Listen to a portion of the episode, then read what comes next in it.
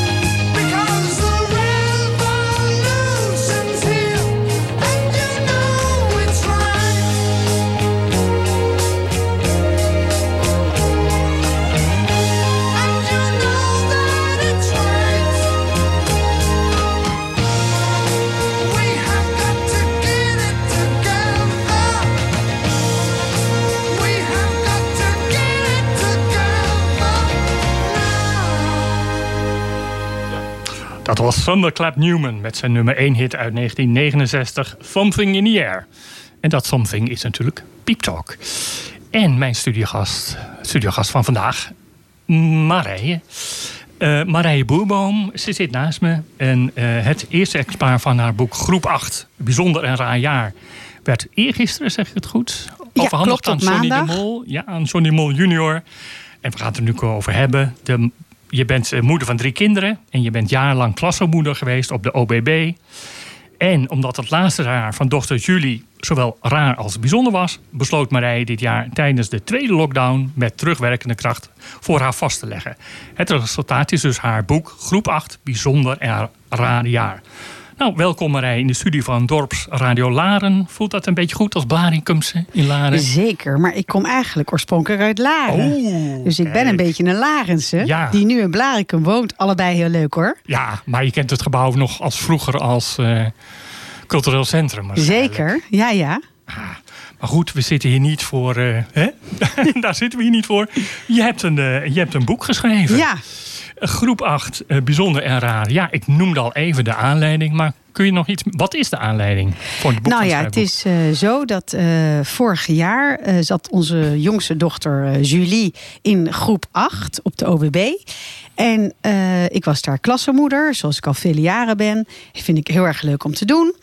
En dus het jaar begon leuk met een bruiloft van de juf op school. Ze gingen een Halloween feestje doen. Er kwam kerst, Sinterklaas aan.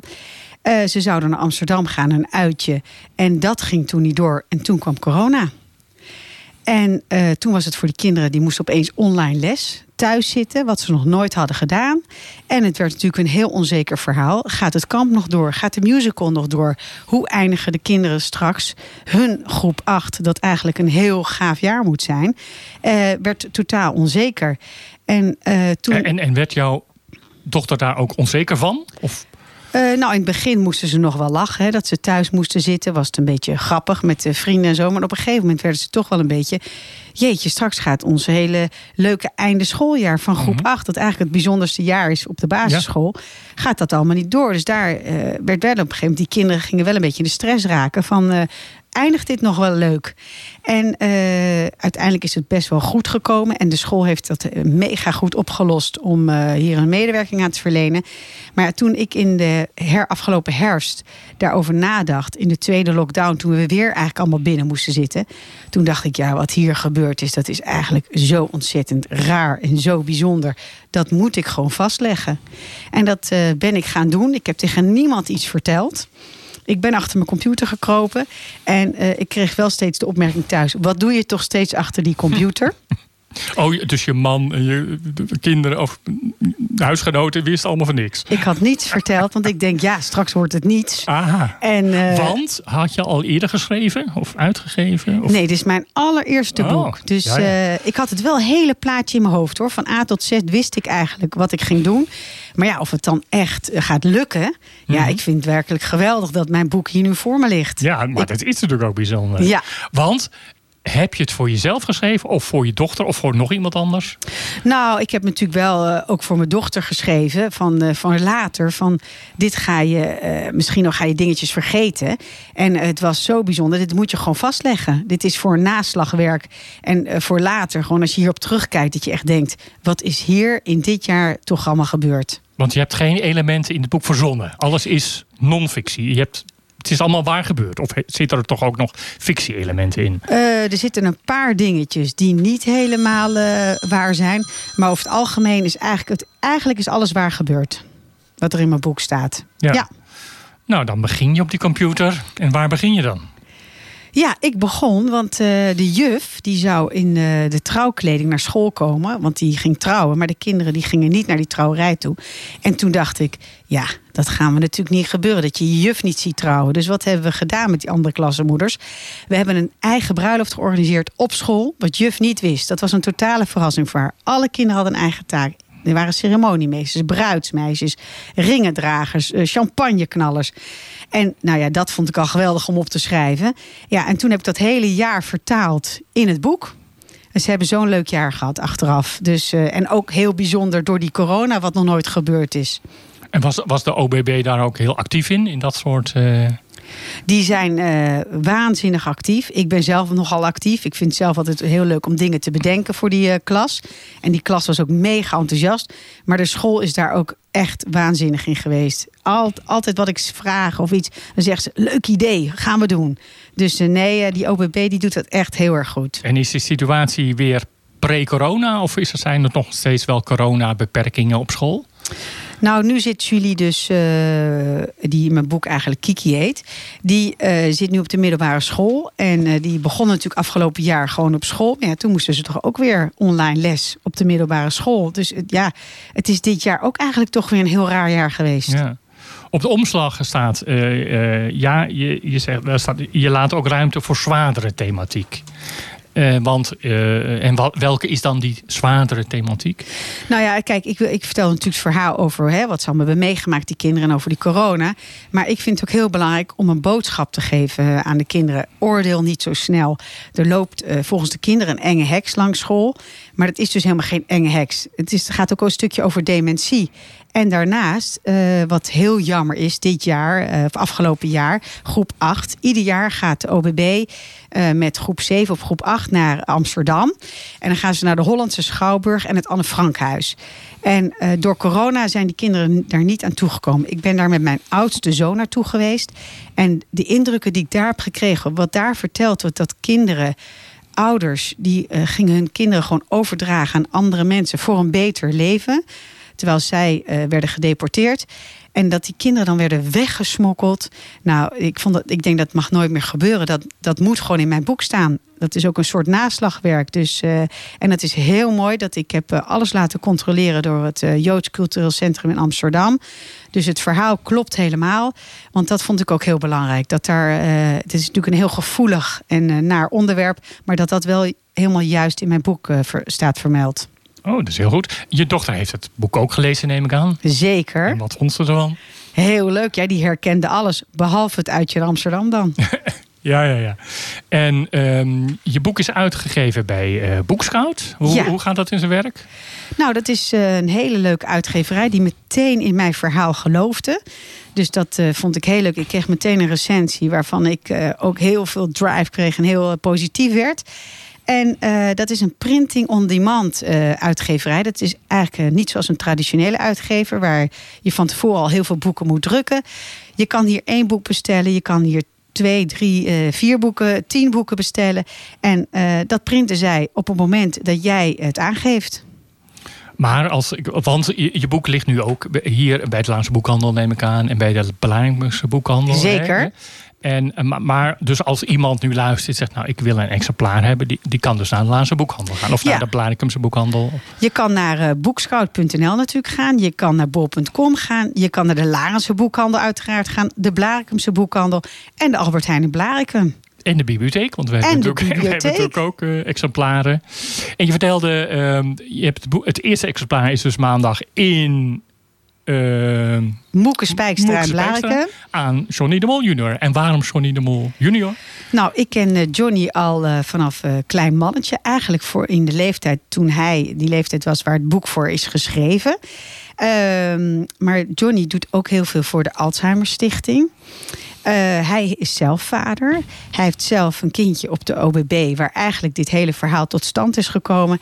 Ja, en het is ontzettend aardige, vriendelijke, leuke man inmiddels, geen jongen meer. En eh, ik vond het echt heel erg bijzonder en ontzettend gaaf dat hij dit voor mij willen doen. En hij maakt mooie tv-programma's. Zeker. Hij doet natuurlijk ook het restaurant Misverstand Ja. voor eh dementeren. Nee, het is een enorme empathische man is het. Absoluut. En eh, nou, je eersteling is er. Dat is altijd heel bijzonder. En denk je dan al na over een tweede boek? Dat is een hele goede vraag. Ik eh, heb natuurlijk eigenlijk nog nooit geschreven. Dus het is voor mij nieuw. Ik vond het wel een ontzettend leuk proces. Dus wie weet, als ik ineens weer een, een leuk verhaal in mijn hoofd heb... of iets hoor of iets zie of ik denk van... nou, daar moet over geschreven worden... dan ga ik dat zeker voortzetten. Ah, mooi. Nou, zo horen we het graag natuurlijk. Ehm, je boek heet dus Groep 8, Bijzonder en Raar Jaar. Schrijfster Marije Boerboom Oosterman. Ja, Te verkrijgen bij de lokale boekhandel ja. en bij de bibliotheek. En ik heb het vermoeden dat we elkaar nog wel eens terug gaan zien. Denk ik toch? Zou ik heel erg leuk vinden. tweede boek. Wie weet, wie weet. Ja. Nou, eh, hebben, zijn we nog iets vergeten? Iets heel belangrijks om te melden? Nou, ik vind het gewoon ontzettend leuk in dit proces, wat helemaal nieuw voor mij is, dat iedereen zo positief is en mij zo enorm steunt. En ik vind het ook echt ontzettend leuk dat ik hier mag zijn vandaag. Want, je kunt, want er zijn heel veel mensen die zelf een boek willen uitgeven. We hadden even een voorgesprekje en daar hadden we het over. Ehm, ja, het boek schrijven is deel 1. Maar dan komt deel 2 pas. Dan moet je ook dat boek aan de man brengen. Want dat moet je dan wel zelf doen. Maar dat vind je dus ook leuk. Ja, dat is eigenlijk mijn vak. Ik, eh, Aha. ik zit eigenlijk in de marketing en de PR. Dus eh, het eh, boek schrijven vond ik al ontzettend leuk. Maar dit vind ik ook mega leuk om te doen. Ja. Want dat, dat moeten aspirant-schrijvers dan wel bedenken. Ja, dat moet je ook nog zelf doen. Want dat doet de uitgever dan niet helemaal voor je. Nee, De boekschout, nou, die doet een persbericht en zo. Maar je Ja, moet toch aan de bak. Maar je, vindt- jij vindt het leuk. Dus, eh, ja, ik word er heel enthousiast van. Dus eh, heerlijk om te doen. Nou, nou, nogmaals bedankt voor je komst in, eh, in de studio van Dorps Radio Laren. We gaan naar muziek luisteren. En dat is Katie Lang met Hallelujah, het nummer van Leonard Cohen. En jij bent nu ook in een Hallelujah stemming. Dus dat lijkt me toepasselijke muziek. En bedankt dat ik er mocht zijn. Graag gedaan.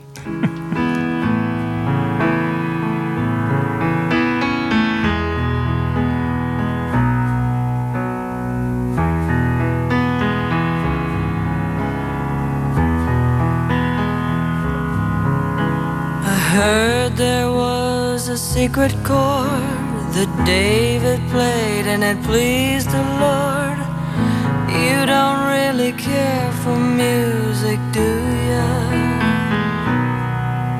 Well, it goes like this the fourth, the fifth, the minor fall, the major lift, the baffled king composing hallelujah.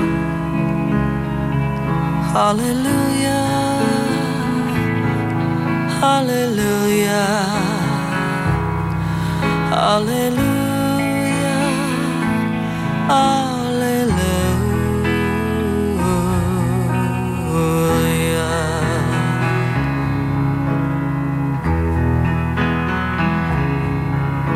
Well, your faith was strong, but you needed proof. You saw her bathing on the roof, her beauty overthrew ya. Well, she tied you to her kitchen chair. She broke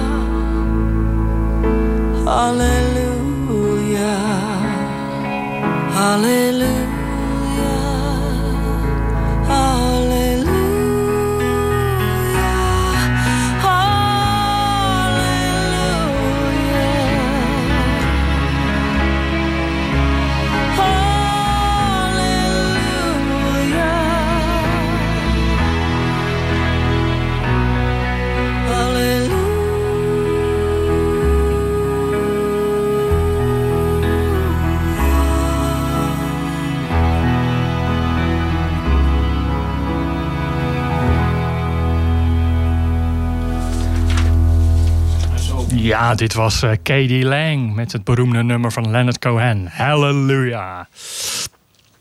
Ik ga een eh, nieuw boek eh, bespreken. En dat is. daarvoor verplaatsen we naar Pennsylvania, de staat in Amerika. En historicus Russell Shorto zit bij zijn bejaarde ouders thuis aan de keukentafel. Moeder Rita kookt een traditionaal I- Italiaans gerecht. Tussen Russell en zijn vader Tony ligt een dikke stapel gerechtsdocumenten, arrestatiebevelen, aanklachten, verhoren, vonnissen.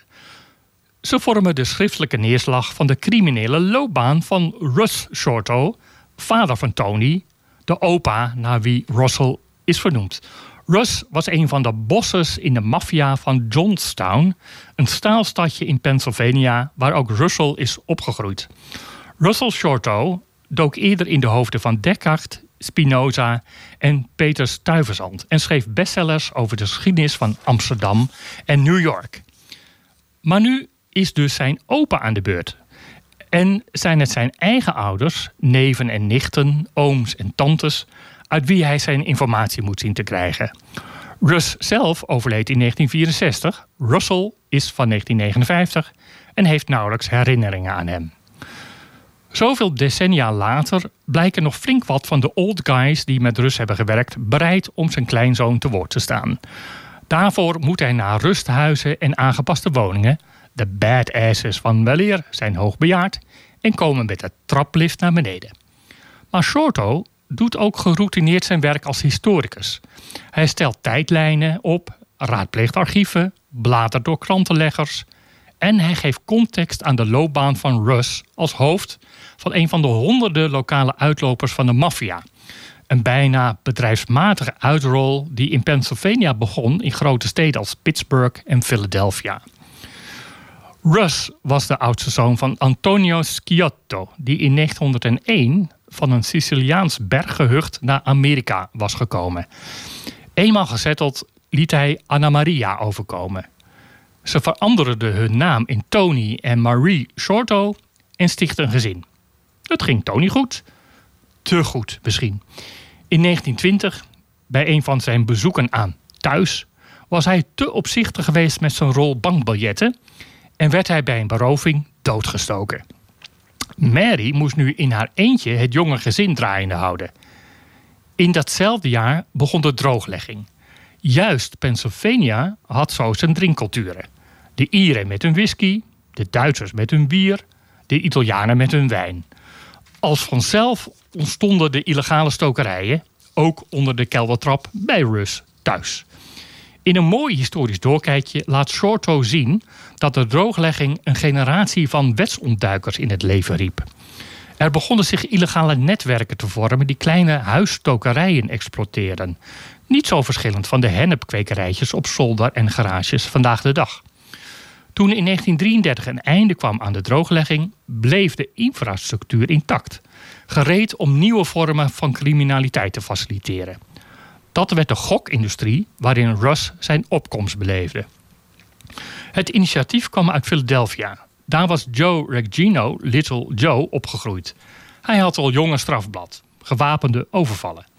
De maffia stuurde hem naar Johnstown om als een soort franchise-nemer een plaatselijke tak op te zetten. Hij trouwde met een zus van Russ. Little Joe zag in zijn zwager een paar nuttige eigenschappen. Hij kon bliksemsnel rekenen, wat van pas kwam bij het plaatsen van weddenschappen en andere gokkenactiviteiten. En hij was zwijgzaam aangelegd. Dat hij periodiek veel dronk, werd pas later een probleem. Hoofdkwartier werd de City Cigar op de Main Street. Vooral een hal met pooltafels en flipperkasten. Achter een goed bewaakte deur en verderop kamers voor het zwaardere werk. Gokken was de core business. Er werd gewed op paardenraces, bokwedstrijden en honkbalmatches. Je kon ook gokken op de cijfers van de slotkoersen op Wall Street. Betrouwbaar en voor iedereen te verifiëren. Een van de bezoekers was ene Charles Buczynski, die later acteerlessen zou nemen en zijn achternaam veranderde in Bronson. De organisatie stond als een huis. Een eigen bank, contacten bij de politie, steun van een burgemeester die een oogje toekneep, spierbundels in dienst om achterstallige aflossingen te incasseren. Soms mocht er in natura worden betaald, Dan verscheen in het gezin waar Tony opgroeide opeens een televisietoestel. Waarvan 7 tot half 11 eh, iets op te zien was. Of mocht moeder gratis in een kledingzaak komen winkelen. Dat klinkt allemaal small time, zoals de Engelse titel luidt. Plaatselijk, kleinschalig. Maar Shorto weefde er het verhaal doorheen van Giuseppe Pippi di Falco. Pippi was op de avond van 6 februari 1960 voor het laatst gezien. Hij zou lang onvindbaar blijven. Had hij te veel achtergehouden van het geld dat hij moest incasseren? Werkt hij stiekem voor concurrenten van Russ en Little Joe? Hadden ze hem laten omleggen? Ten slotte was hij alles in elkaar geslagen door Rip Slomanson, een halve psychopaat, die het bulswerk voor Russ opknapte. Shorto is er merkbaar niet gerust op. Hoe small time was zijn opa eigenlijk? Hoe hard zoek je naar iets dat je liever niet wilt vinden? Hier neemt zijn boek een persoonlijke wending, die het uitteelt boven de gewone true crime. Shorto aarzelde om zijn vader Tony bij het onderzoek te betrekken, want die praatte niet graag over zijn vader, zacht gezegd. De kinderen waren opgegroeid met het verhaal dat Tony had gebroken met zijn vader, manhaftig had geweigerd in de zaak te komen en zo indirect ook zijn kinderen buiten het milieu had weten, had weten te houden. Maar Shorto krijgt zo zijn twijfels. Net als hij er Tony naar wil vragen, krijgt deze een beroerte. Wakend bij zijn bed heeft hij intens spijt dat hij zijn vragen voor zich heeft gehouden. Maar Tony herstelt wonderwel en is bereid verder samen met Russell op te trekken. Vanaf dat moment loopt ook de spanning op tussen de verschillende rollen van Shorto: historicus, zoon, kleinzoon. En ontwikkelt het misdaadverhaal zich toch een, tot een delicate psychologische memoire. Het boek Pater Familias, het verhaal van mijn familie en de gangsters van Russell Shorto, is te reserveren in onze online catalogus op www.bibliotheekhaalb.nl. Het is nog niet te leen als e-book of als luisterboek. Maar dat laatste geldt uiteraard niet voor de luisterboekentip van mijn collega Jannie Vriends. Die ik zo eh, ga behandelen. Maar eerst eh, gaan we eh, naar muziek luisteren. En ja, kom me bekend voor. Een mooie wals van Shostakovich.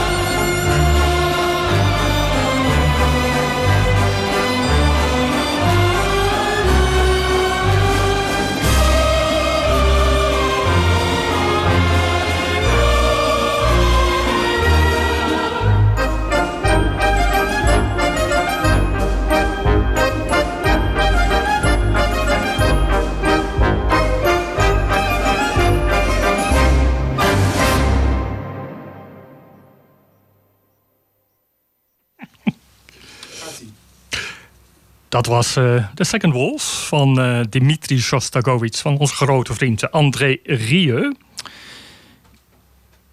In een bibliotheekreisje van het ene boek naar het andere, zomaar de hele wereld rond. Waren we zojuist met Russell Shorto nog in Pennsylvania, USA. Voor de luisterboektip van mijn collega Jannie Vriends blijven we dichter bij huis. In dit boek, De Opgang, volgt de Vlaamse auteur Stefan Hetmans de levensloop van Willem Verhulst. Die samenwerkte met de nazi's in de Tweede Wereldoorlog, maar uiteindelijk begraven werd naast zijn eerste Joodse vrouw. Het boek speelt in de periode voor en tijdens de Tweede Wereldoorlog in België. Als vierjarige krijgt Willem een stuip, waardoor hij voor de rest van zijn leven aan één oog blind is. Hij krijgt angstaanvallen en wordt aanvankelijk gepest, maar wordt later zelf een pester en geducht straatvechter. Zijn opleiding op de tuinbouwschool maakt hij niet af. Hij spijbelt en zet zich met name af tegen de Franstaligen. Zij herinneren hem namelijk aan zijn vreselijke schooltijd. Dat was zijn eerste stap op het pad naar de zogenaamde Flaminganten. Dat zijn aanhangers van de Vlaamse beweging die zich verzetten tegen de opkomst van de Franse taal in België. Intussen wordt hij ook verliefd op de Duits-Joodse Elsa Meisner. Natuurlijk deugt Willem Verhulst volstrekt niet. Maar omdat je Willem leert kennen in zijn jeugd, is dat niet meteen duidelijk. Gaandeweg het boek zie je de veranderingen die er in het leven van Willem voor zorgen dat hij aan de verkeerde kant komt te staan.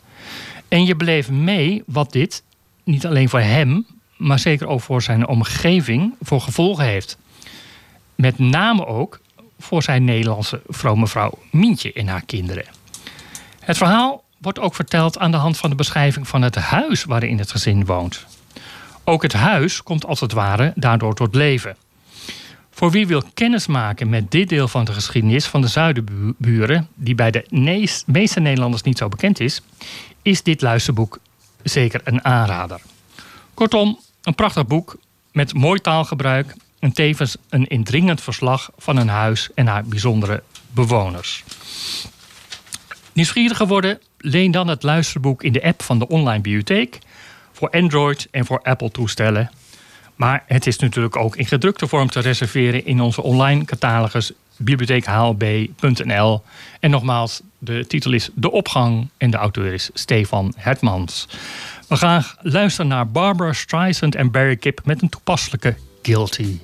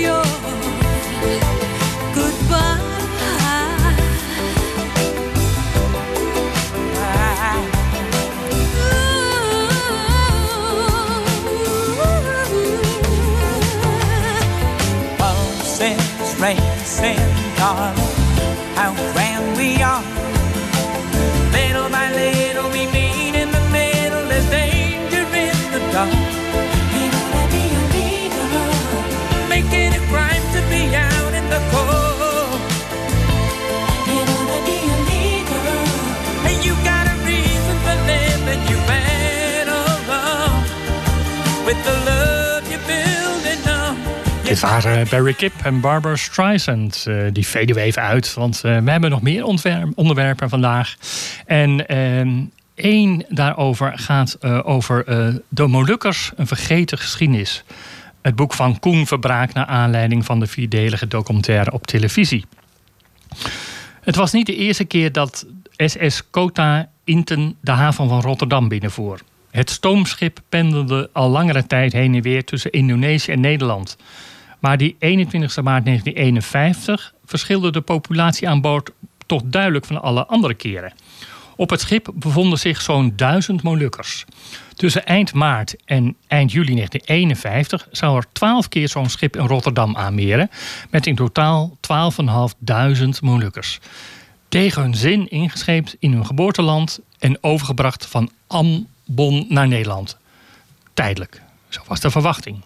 Zodra de politieke situatie in Indonesië weer tot rust gekomen was, zouden ze vast weer terugkeren. Dan zou er misschien ruimte komen voor hun eigen onafhankelijke republiek Maluku Selatan, RMS. Nederland had immers beloofd zich daarvoor in te spannen. En toch zou het er nooit van komen.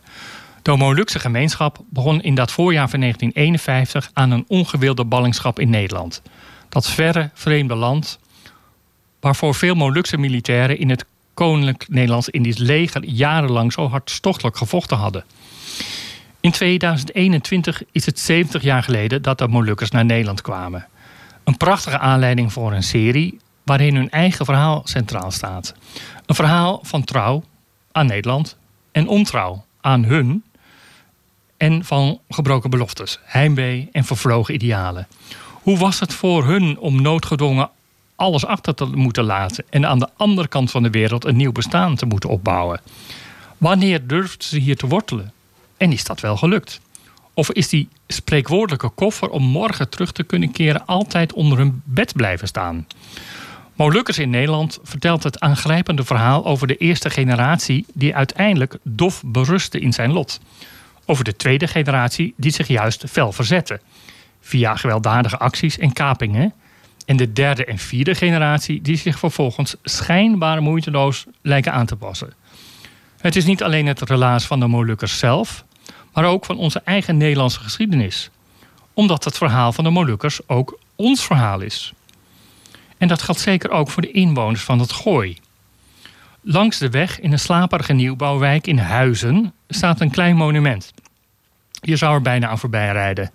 Het beeld bestaat uit een vier rechtopstaande man in militair uniform met aan zijn voeten twee scheepskisten. Op een daarvan zit een jonge vrouw, de Bijbel op schoot. 22 maart ter herinnering aan de Molukkers die hier kwamen, staat eronder. Het monumentje staat drie kilometer van het voormalige kamp Almere, een van de eerste woonoorden van Molukkers in Nederland. In 1951 kwamen de eerste Molukkers hier aan.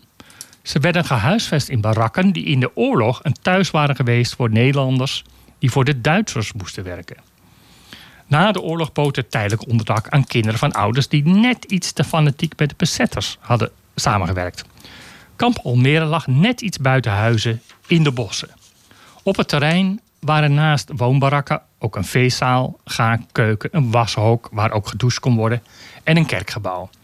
Hoewel bijna allemaal Moluks was de bevolking in het begin divers. Zowel moslims als katholieken en protestanten woonden er door elkaar heen. Al die verschillende bloedgroepen en verschillende politieke inzichten leidden tot conflicten.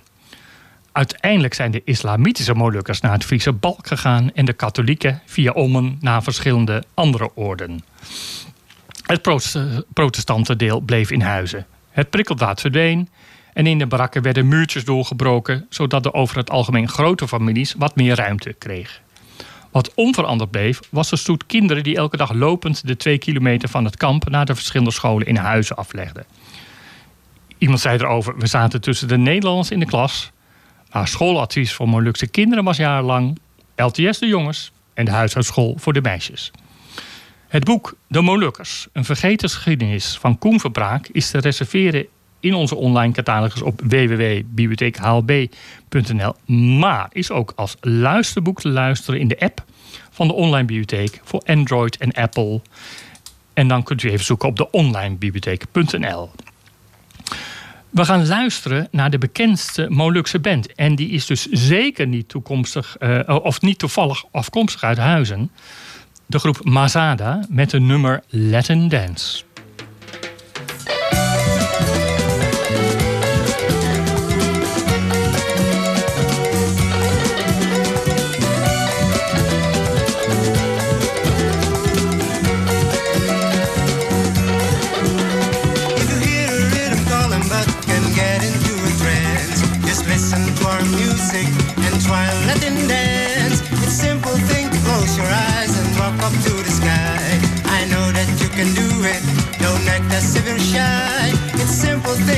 Your legs and dance around the floor. Just show it to the people and open wide the door. So it's up to you to concentrate and get into a trance. But if you still can make it, should try to this Latin dance.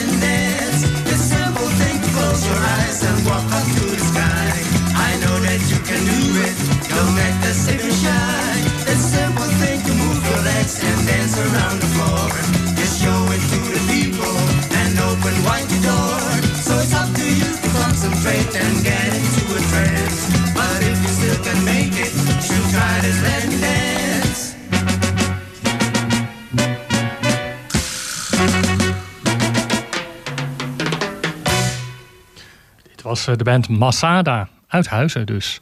Met Latin Dance. In het kader van het Erfgoedfestival 2021 geeft Margriete Koningans twee keer deze zomer een inleiding op een door haar samengestelde literaire fietstoer door Laren. De eerste keer is komende zaterdag, 3 juli, hier in het eh, Brinkhuis om half tien 's morgens. Ehm, en mede dankzij de Stichting Literair Laren werd in 2011 een prachtig boekje Literair fietsen langs schrijvers van Laren en Blaricum gepubliceerd, waarin de fietskaart werd opgenomen.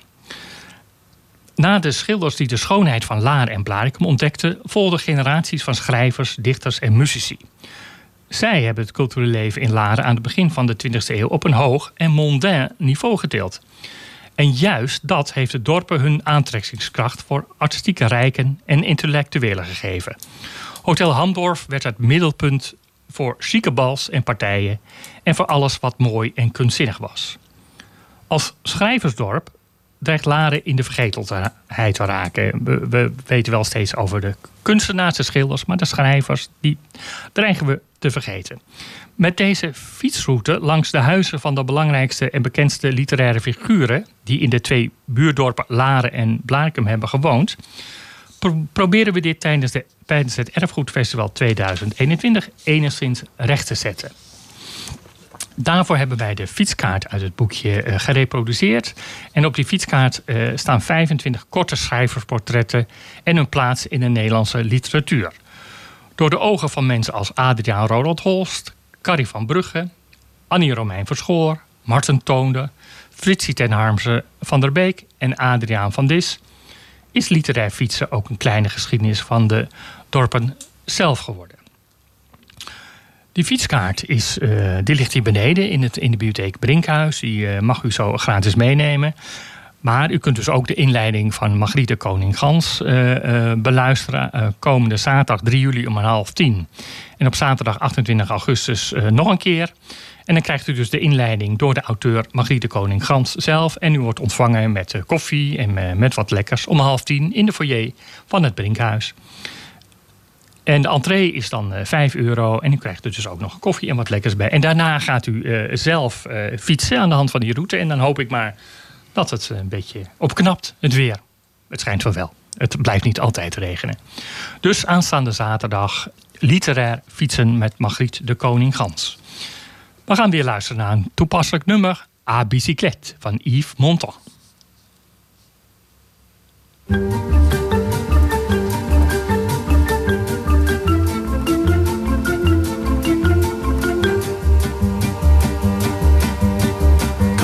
De bon matin, quand on partait sur les chemins à bicyclette. Nous étions quelques bons copains. Il y avait Fernand, il y avait Firmin, il y avait Francis et Sébastien.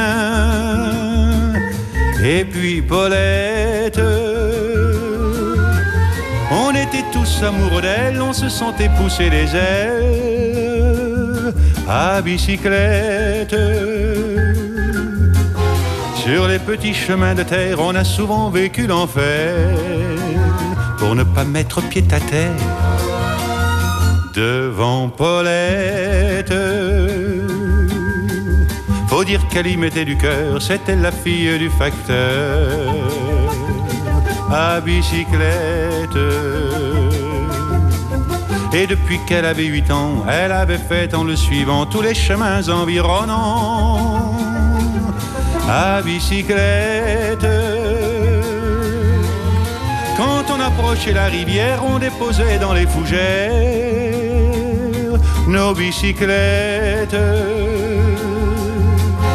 Puis on se roulait dans les champs, faisant naître un bouquet changeant de sauterelles, de papillons et de rainettes.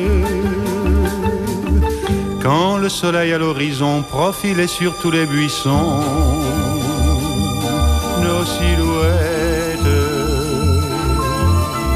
On revenait fourbu content, le cœur un peu vague pourtant de n'être pas un seul instant avec Paulette. Prendre furtivement sa main, oublier un peu les copains, la bicyclette. On se disait c'est pour demain, j'oserai, j'oserai demain, quand on ira sur les chemins à bicyclette.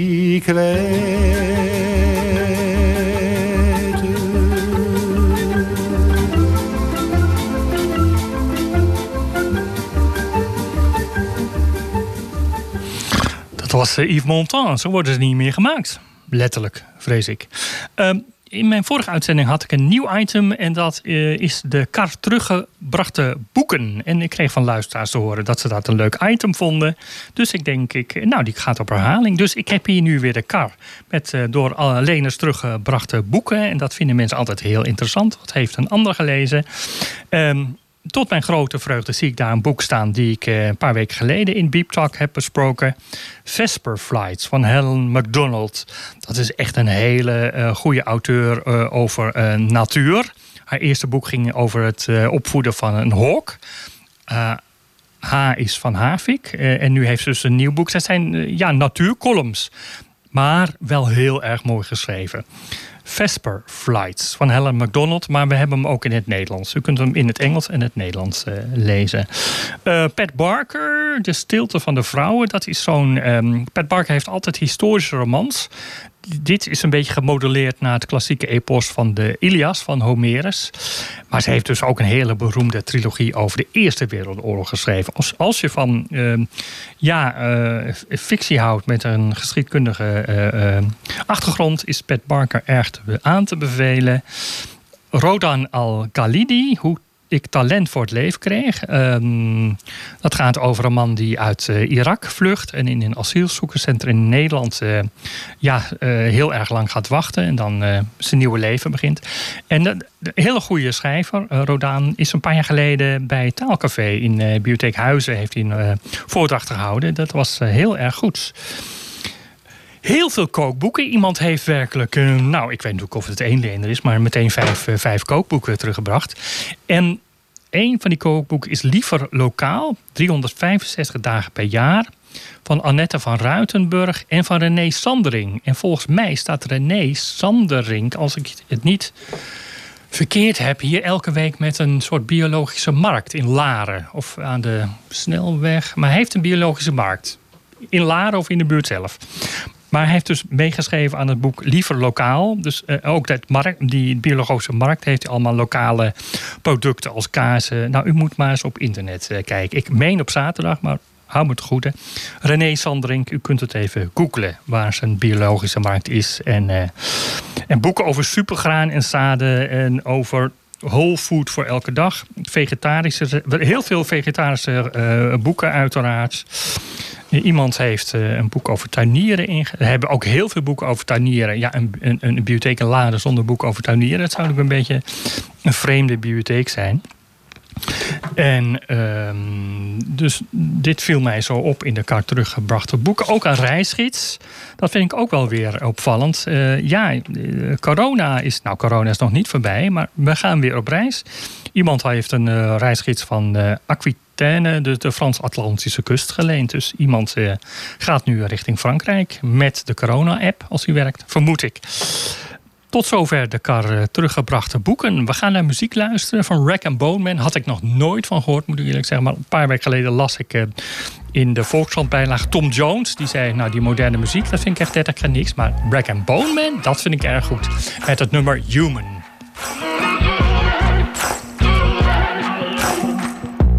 Maybe I'm foolish, maybe I'm blind, thinking I can see through this and see what's behind. Got no way to prove it, so maybe I'm lying. But I'm only human after all. I'm only human